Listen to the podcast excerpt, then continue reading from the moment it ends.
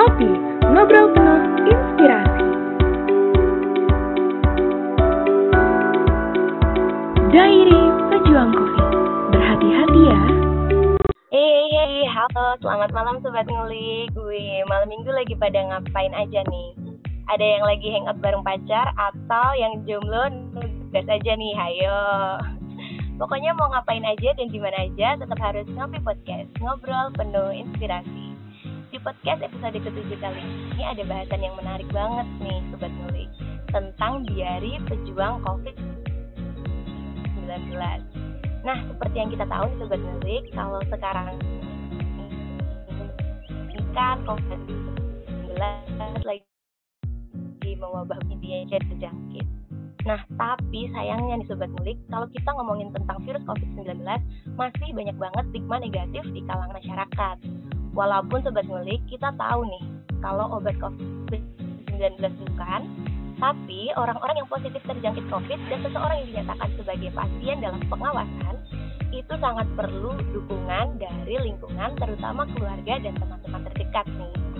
Sebelumnya perkenalkan dulu saya Yuma Ardita, bisa dipanggil Yuma dan rekan saya Aisyah Sari akan menemani sobat mulik semua pada episode kita kali ini. Tentunya bersama narasumber yang luar biasa dan sangat menginspirasi yaitu Kak Ara Wiraswara. Beliau adalah orang yang pernah berjuang melawan COVID-19 dan pernah diisolasi di RSUD Kota Bogor. Nah, tanpa berlama-lama lagi nih, kita langsung aja sapa Kak Ara. Halo Kak Ara, gimana nih kabarnya Kak? Alhamdulillah baik, sehat. Sehat Ayu dan juga Yoma. Oke, Alhamdulillah. Semoga terus sehat ya Kak. Ya, betul betul. Itu modal kita semua. Jangan Ya. lupa banyak minum suplemen juga. Oke, baik Kak. Nah, boleh cerita lebih jauh nggak Kak mengenai educational background, karir dahulu, aktivitas saat ini, dan sedikit personal life mungkin Kak? Ya, eh, saya IPB angkatan 37. Jadi nyebutin angkatan jadi agak malu ya sebenarnya 37. Ini terakhir angkatan berapa IPB? saya angkatan 37, eh, angkatan pertama Fakultas Ekonomi Manajemen, eh, jurusan Ilmu Ekonomi. eh, terus sekarang aktivitas di pemerintah Kota Bogor, eh, menangani kerjasama pemerintah. Eh, saya di bagian pemerintah eh, menangani apa eh, rencana kerjasama pemerintah daerah Kota Bogor dengan banyak pihak. Eh, saya dikasih kerjasama bagian pemerintah. Eh, sekarang tinggal di daerah Tanah Baru, Taman Kenari, eh, dengan satu istri dan tiga anak. Itu kurang lebih. Oke, seperti yang kita tahu nih ya, Kak Ara ini kan pejuang COVID-19 nih ya, Kak. Kak Ara ini dulu gimana sih Kak awal mula ketika tahu Kak Ara terkena COVID-19 dan gejalanya itu seperti apa Kak? Bisa diceritakan lebih lanjut ke kita? Iya, jadi eh, terkonfirmasi positif pertama kali itu tanggal 19, 19 Maret ya, 19 Maret. Hasil swab tanggal eh, 17. Eh, 17 Maret saya di swab, tanggal 19 Maret keluar. Padahal tanggal 16 malam itu saya juga melakukan rapid test gitu. Itu hasilnya non reaktif uh, dan non reaktif terus juga saya pede aja gitu kan waktu diminta untuk melakukan swab besoknya saya pikir hasilnya kurang lebih sama lah gitu untuk ini. Tapi ternyata uh, ininya ber, uh, berbeda gitu. Ternyata hasilnya positif tanggal 19 dengan kurang lebih gejala. Memang saya merasakan demam itu sejak tanggal 12 waktu itu di Istanbul karena kebetulan lagi dalam perjalanan di uh, perjalanan dinas gitu ya di Istanbul sudah ngerasa demam.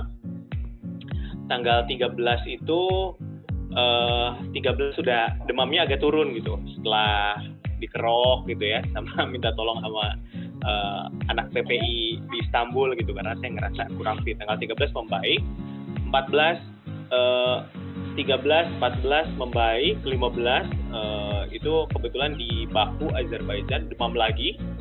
Eh, demamnya tinggi banget gitu ya dan udah nggak enak badan banget untuk ini. Jadi tang- eh, 15 pulang ke Indonesia sampai tanggal 16 malam. 16 malam itu tadi saya cerita rapid test untuk sebelum ke rumah saya ingin memastikan bahwa saya baik-baik saja gitu untuk ini ya. Dan ternyata uh, rapid testnya sih menggembirakan gitu apa non reaktif gitu. Ah udah seneng lah. Selanjutnya uh, setelah rapid test ternyata harus tetap harus melakukan swab saya di swab tanggal 17 dan dikabarkan hmm, dikabarkan uh, positif tanggal 15 ya. itu waktu itu memang sambil menunggu hasil swab itu uh, yang saya rasakan itu demam batuk dan nyeri badannya luar biasa gitu jadi selama tiga hari itu uh, tidur itu nggak bisa ya. Tidur nggak bisa uh, saking ngerasain saya belum pernah ngilu ba sakit badan uh, sedahsyat itu yang uh, pernah saya alami yang alami ya waktu dengan covid itu untuk ini. Jadi tanggal 19 malam begitu dinyatakan positif saya dibawa ke RSUD jadi untung dibawanya tengah malam gitu ya. Kalau dibawanya siang-siang oh, ada ambulan pakai pakaian hazmat lengkap gitu mungkin akan heboh tetangga-tetangga segala macam. Tapi syukurnya dibawanya tengah malam gitu. Uh, jadi semua orang udah tidur dan cuma yang jadi saksi matanya cuma istri aja gitu ya jadi saya dibawa ke rumah sakit. Kemudian menjalani isolasi di rumah sakit itu kurang lebih 22 22 hari sama Pak Wali Kota gitu. Jadi Pak Wali Kota case nomor satu, saya case nomor dua, begini ya. Uh, 22 hari di rumah sakit, kemudian uh, waktu itu di, diizinkan pulang karena gejala klinisnya uh, sudah tidak ada. Kata dokter walaupun swabnya masih positif waktu itu. Jadi diizinkan pulang. Jadi wow pulang juga masih deg-degan gitu kan. Karena pulang harus ketemu istri yang lagi hamil sama anak-anak gitu kan waktu kondisi masih positif gitu tapi dokter meyakinkan uh, harus tetap pakai masker medis selama ada di rumah, terus juga uh, tidur terpisah gitu untuk yang penggunaan kamar mandi terpisah kan untuk uh, kata dokter.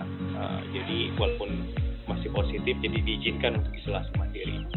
Tapi memang uniknya gitu ya, uh, waktu itu saya pikir satu minggu setelah dua minggu di rumah selesailah gitu ya.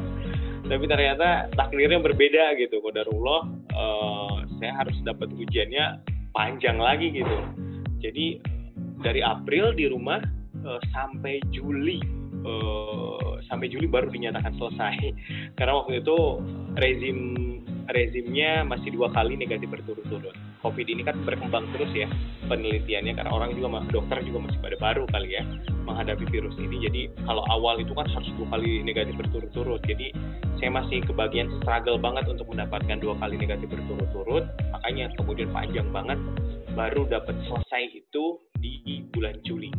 Bulan Juli 2020.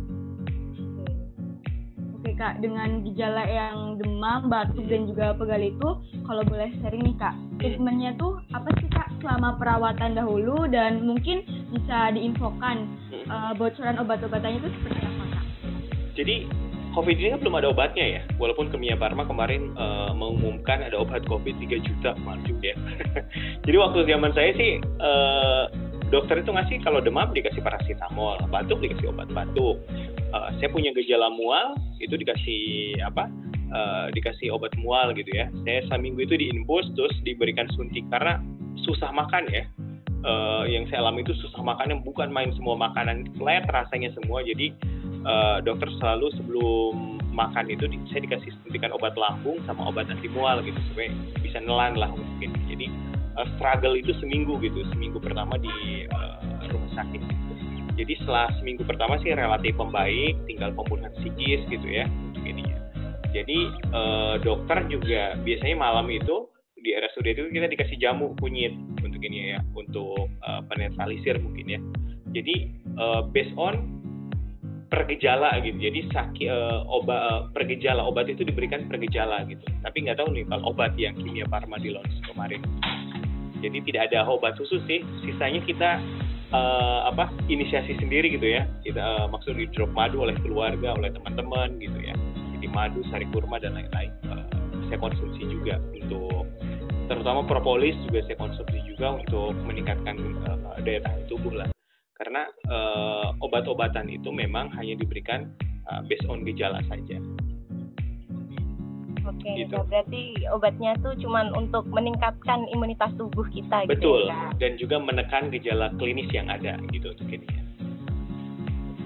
Oh iya, uh, kakak kan juga setelah Hmm. menjadi pejuang COVID nih tergabung dalam suatu komunitas temanko nih kak. Iya. Nah, kalau kita boleh tahu nih kak, misi dari temanko itu apa? Terus kegiatannya gimana aja gitu? Mungkin ada teman-teman yang mau gabung.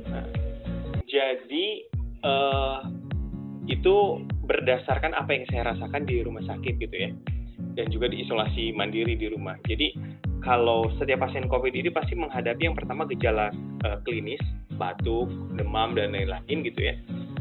Juga soal persoalan psikis. Tadi Yoma menyampaikan bahwa eh, soal apa eh, apa stigma negatif gitu ya. Seakan-akan kalau misal karena COVID itu aib yang wah luar biasa banget untuk ya. Dan itu tadi eh, kalau kita ngobrol dengan teman-teman eh, teman-teman sama sesama penderita COVID-19 itu ada satu fase yang kita menyebutnya fase ngerasa sendiri gitu ya. Ngerasa sendiri kalau Pak Wali Kota suka menyebutnya eh, pasien COVID itu memang gampang baper, bawa perasaan gitu ya untuk ini ya.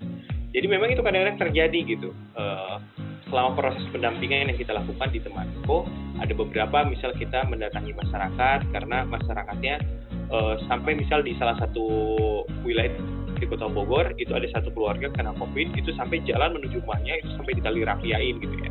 Kita coba mediasi dengan apa dengan RT dan RW setempat gitu untuk ini ya. Dan itu tadi bayangkan ketika kita menghadapi gejala fisik gitu ya yang hebat, kemudian kita dapat eh, dapat sesuatu kado tanda kutip dari tetangga kita seperti itu, tentu itu kan ada gejala psikis tambahan gitu, stres bertambah gitu. Kapan imunnya naik gitu untuk ini ya. Dan itu pun yang saya rasakan gitu. Itu pun yang saya rasakan.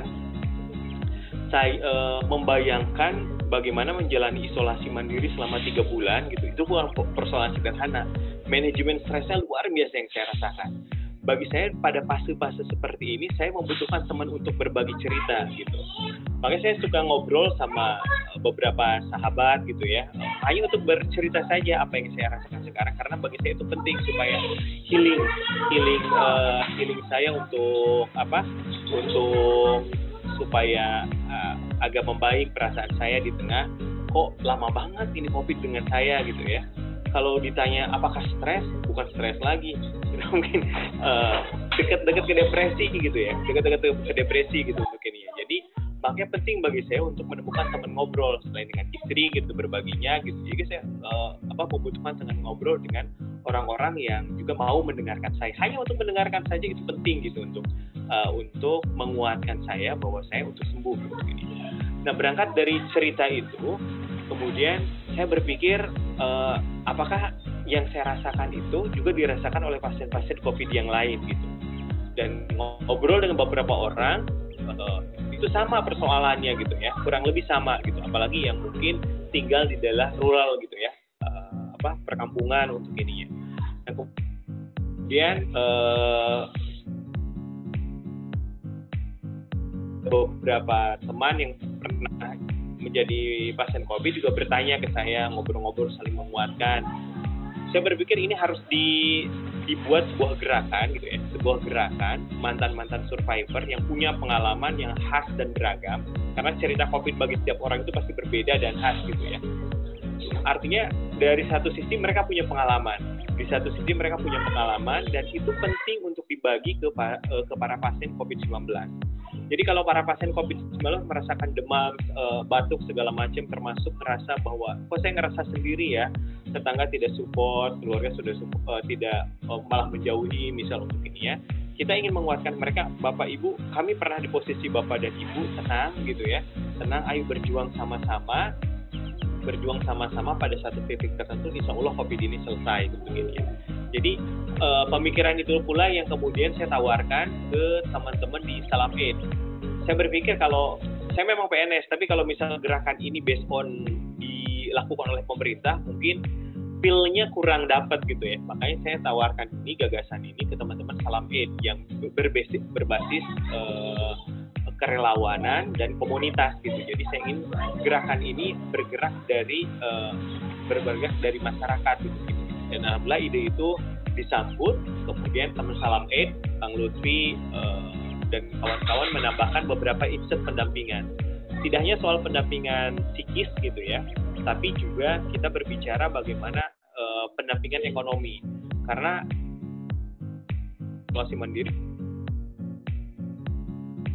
terputus untuk akses keluar gitu. Jadi kita ingin selama salah satu mereka melakukan isolasi mandiri, kebutuhan pokok dan kebutuhan sembakonya kita supply, kita jaga untuk ini.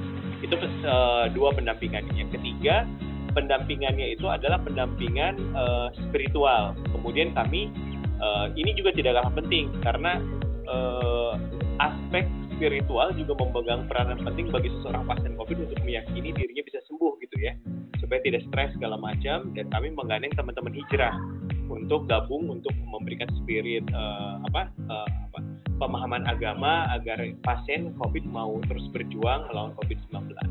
Yang terakhir yang tidak kalah penting yaitu edukasi ke masyarakat. Itu tadi soal stigma, soal salah kaprah gitu untuk ininya.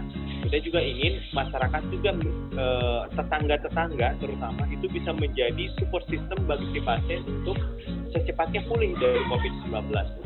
Yang tadi saya ceritain kasus uh, kita pernah memediasi memediasi memediasi gitu ya uh, Pak RT, Pak RW uh, dan juga satgas di salah satu di Kota Bogor dengan yang tadi satu keluarga uh, kakak kakak adik terkena COVID-19 yang sampai di di tali rapiain gitu ya gang rumahnya kita coba ngobrol kita sampaikan bapak ibu COVID ini belum ada obatnya kalau Bapak dan Ibu ingin membantu si pasien cepat pulih, wilayah ini clear dari COVID-19, maka kita harus sama-sama gitu.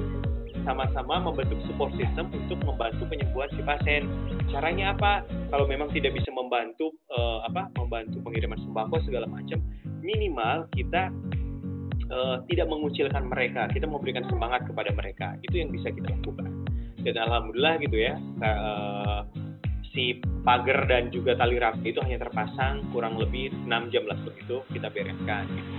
Sama halnya ketika banyak eh, cerita-cerita menarik di masyarakat yang uh, itu yang juga jadi concern temanku dan juga uh, salam aid gitu ya. Kita terjun ke masyarakat, mempertemukan keluarga pasien, mempertemukan Pak RT, Pak RW agar sama-sama uh, membentuk support system yang baik bagi si pasien dan keluarga sehingga mereka merasa nyaman. Jadi mereka konsentrasi terhadap penyembuhan uh, COVID-nya, tidak lagi memikirkan, aduh, keluarga saya makan apa ya, atau keluarga saya kok dikucilin sama tetangga segala macam. Kita ingin si pasien benar-benar konsentrasi dengan uh, proses penyembuhan COVID-nya. Jadi tidak perlu dikhawatirkan dengan hal dan mengek baik keluarga maupun tetangga seperti itu. Kurang lebih seperti itu yang dilakukan oleh uh, teman COVID.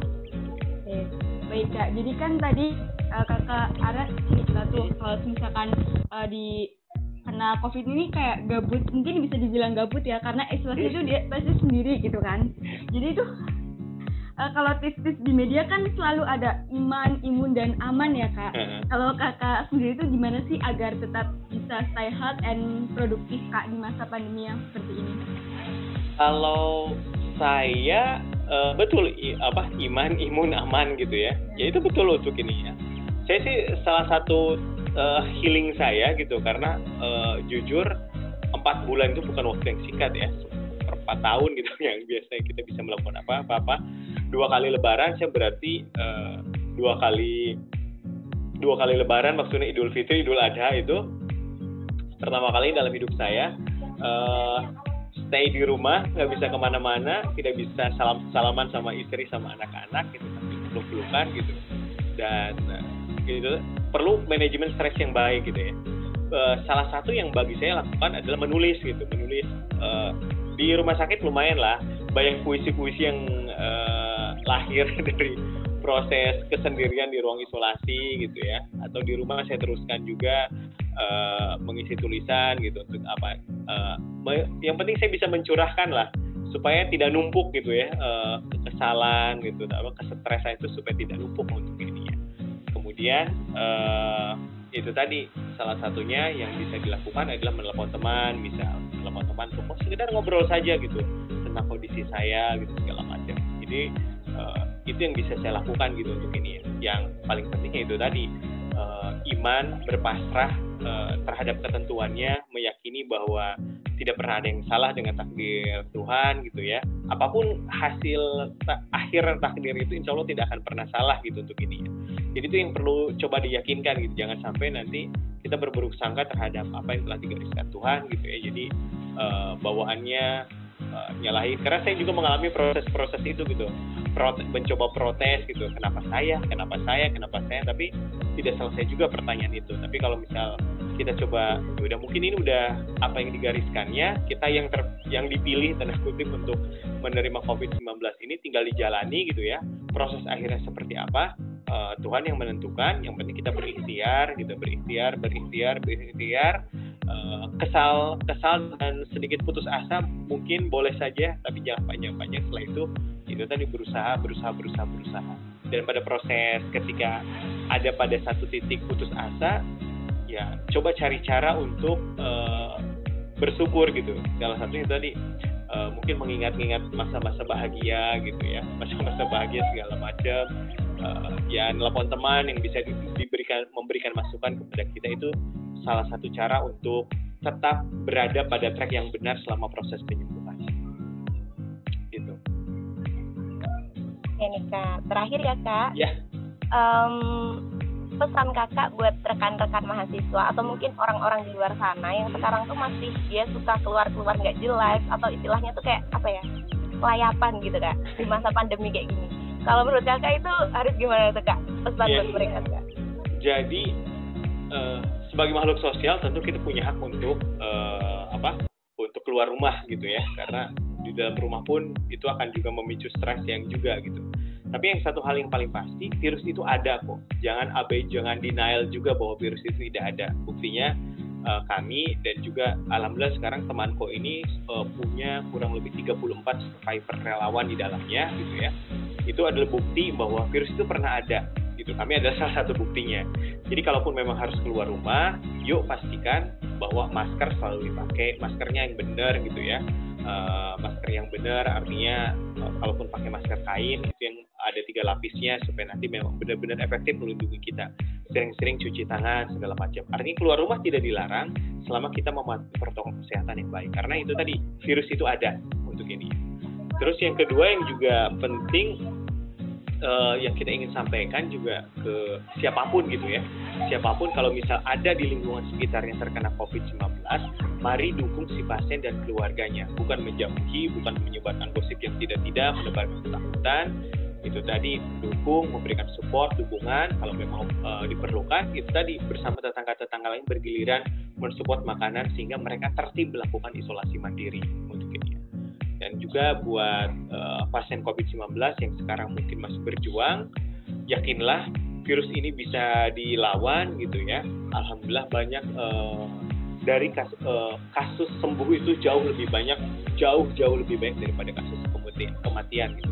Jadi yakin, yakin, yakin uh, pada proses uh, ikuti semua saran dokter dan perawat dan kalau memang butuh pendampingan dari temanku nanti bisa uh, hubungi kami nanti bisa di boleh sih dipromosi ya Instagram Instagramnya Salam Aid itu bisa daftar sebagai relawan terutama bagi mereka yang pernah terpapar COVID-19 dan sembuh itu bisa menjadi ambil bagian menjadi relawan uh, relawan survivor COVID-19 dan juga bagi masyarakat yang butuh pendampingan bisa menghubungi juga di situ. Tapi siap insya Allah untuk melakukan pendampingan psikis, pendampingan ekonomi, terus juga edukasi ke warga masyarakat agar warga masyarakat bisa menjadi support yang uh, support sistem yang baik untuk membantu penyembuhan pasien COVID-19. Gitu Yoma dan juga Ayu. Sehat-sehat ya.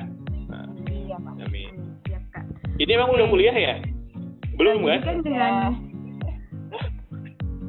dengan banyaknya tadi gejala-gejala dari ke arah yang Hmm. uh, batuk, demam dan juga uh, gabut juga. Ibaratnya kayak bisa dibilang gabut gitu kan ya kak? Kalau di rumah sakit sendiri kayak gitu isolasi. Justru hal itu juga uh, membuat si kak tuh nyiptain sebuah karya baru gitu. Kayak puisi-puisi. Itu kan keren banget sih kak. Itu keren banget. Dan uh, mungkin juga kalau ada yang tetangga kita yang kena covid justru jangan kita jauhi tapi kita tuh dukung mereka. Supaya kita tuh mereka tuh bisa kuat dan juga kita bisa semuanya warga negara Indonesia bisa melawan covid uh, ini dan segera mungkin covid ini tuh bisa pergi gitu dari negara kita agar kita bisa bertatap muka nggak selalu uh, lewat zoom seperti ini Betul betul. Uh, dan mungkin uh, Kak Ara bisa kasih nih closing statementnya buat kita semua. Gitu. Silakan Kak. itu tadi eh, closing uh, ininya bahwa itu virus buat yang memang masih masih suka keluar rumah gitu ya mari mentaati protokol kesehatan di mana pun berada virus ini ada virus ini nyata gitu ya. Masker bukan uh, sesuatu yang meribetkan kita tapi untuk sementara masker itu adalah uh, vaksinnya kita untuk ini ya gitu ya. Jadi mari berjuang bersama-sama menjauhi virus ini kalaupun memang tidak ada keperluan yang mendesak ya tadi stay at home sajalah gitu untuk ini ya.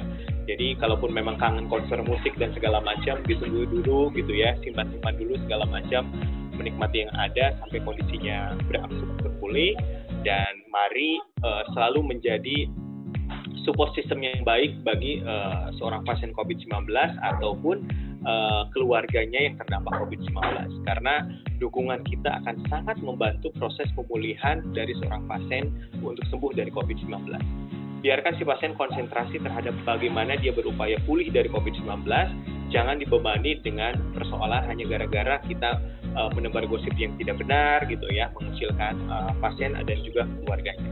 Kurang lebih seperti itu. Terima kasih ya Kak Ara. Siap. Sudah menyempatkan waktunya untuk mengikuti Ngopi Podcast. Terima kasih Yoma dan juga Ayu. Terima kasih Bu dosen Linda. Semoga Kak Ara dan juga keluarga selalu sehat dalam lindungan Amin. Tuhan. Uh, Amin. jangan lupa dukung gerakan temanku ya.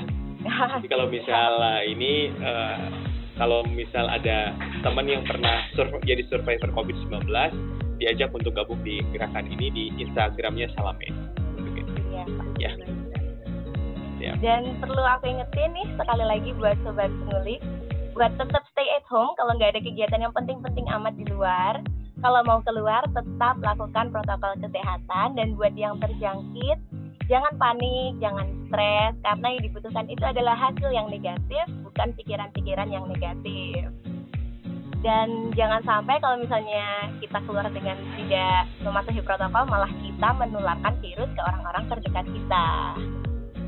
Gak kerasa ya Sobat Ngulik, eh, sharing-sharing sama Kak Aranya untuk melawan COVID-19 sudah berada di penghujung acara nih. Baik, acara ngopi podcast kali ini saya tutup. Saya Yuma Ardita dan rekan saya. Ini Sari, sampai jumpa di Ngopi Podcast episode berikutnya. See you. See you. Terima kasih. Terima kasih. Terima kasih Kak Ara. Enggak. Terima kasih Kak Ara. Terima kasih untuk Sobat Ngulik yang udah ngedengerin Ngopi Podcast kali ini. Dan jangan lupa untuk tetap stay tune di ngobrol penuh inspirasi selanjutnya. Bye-bye!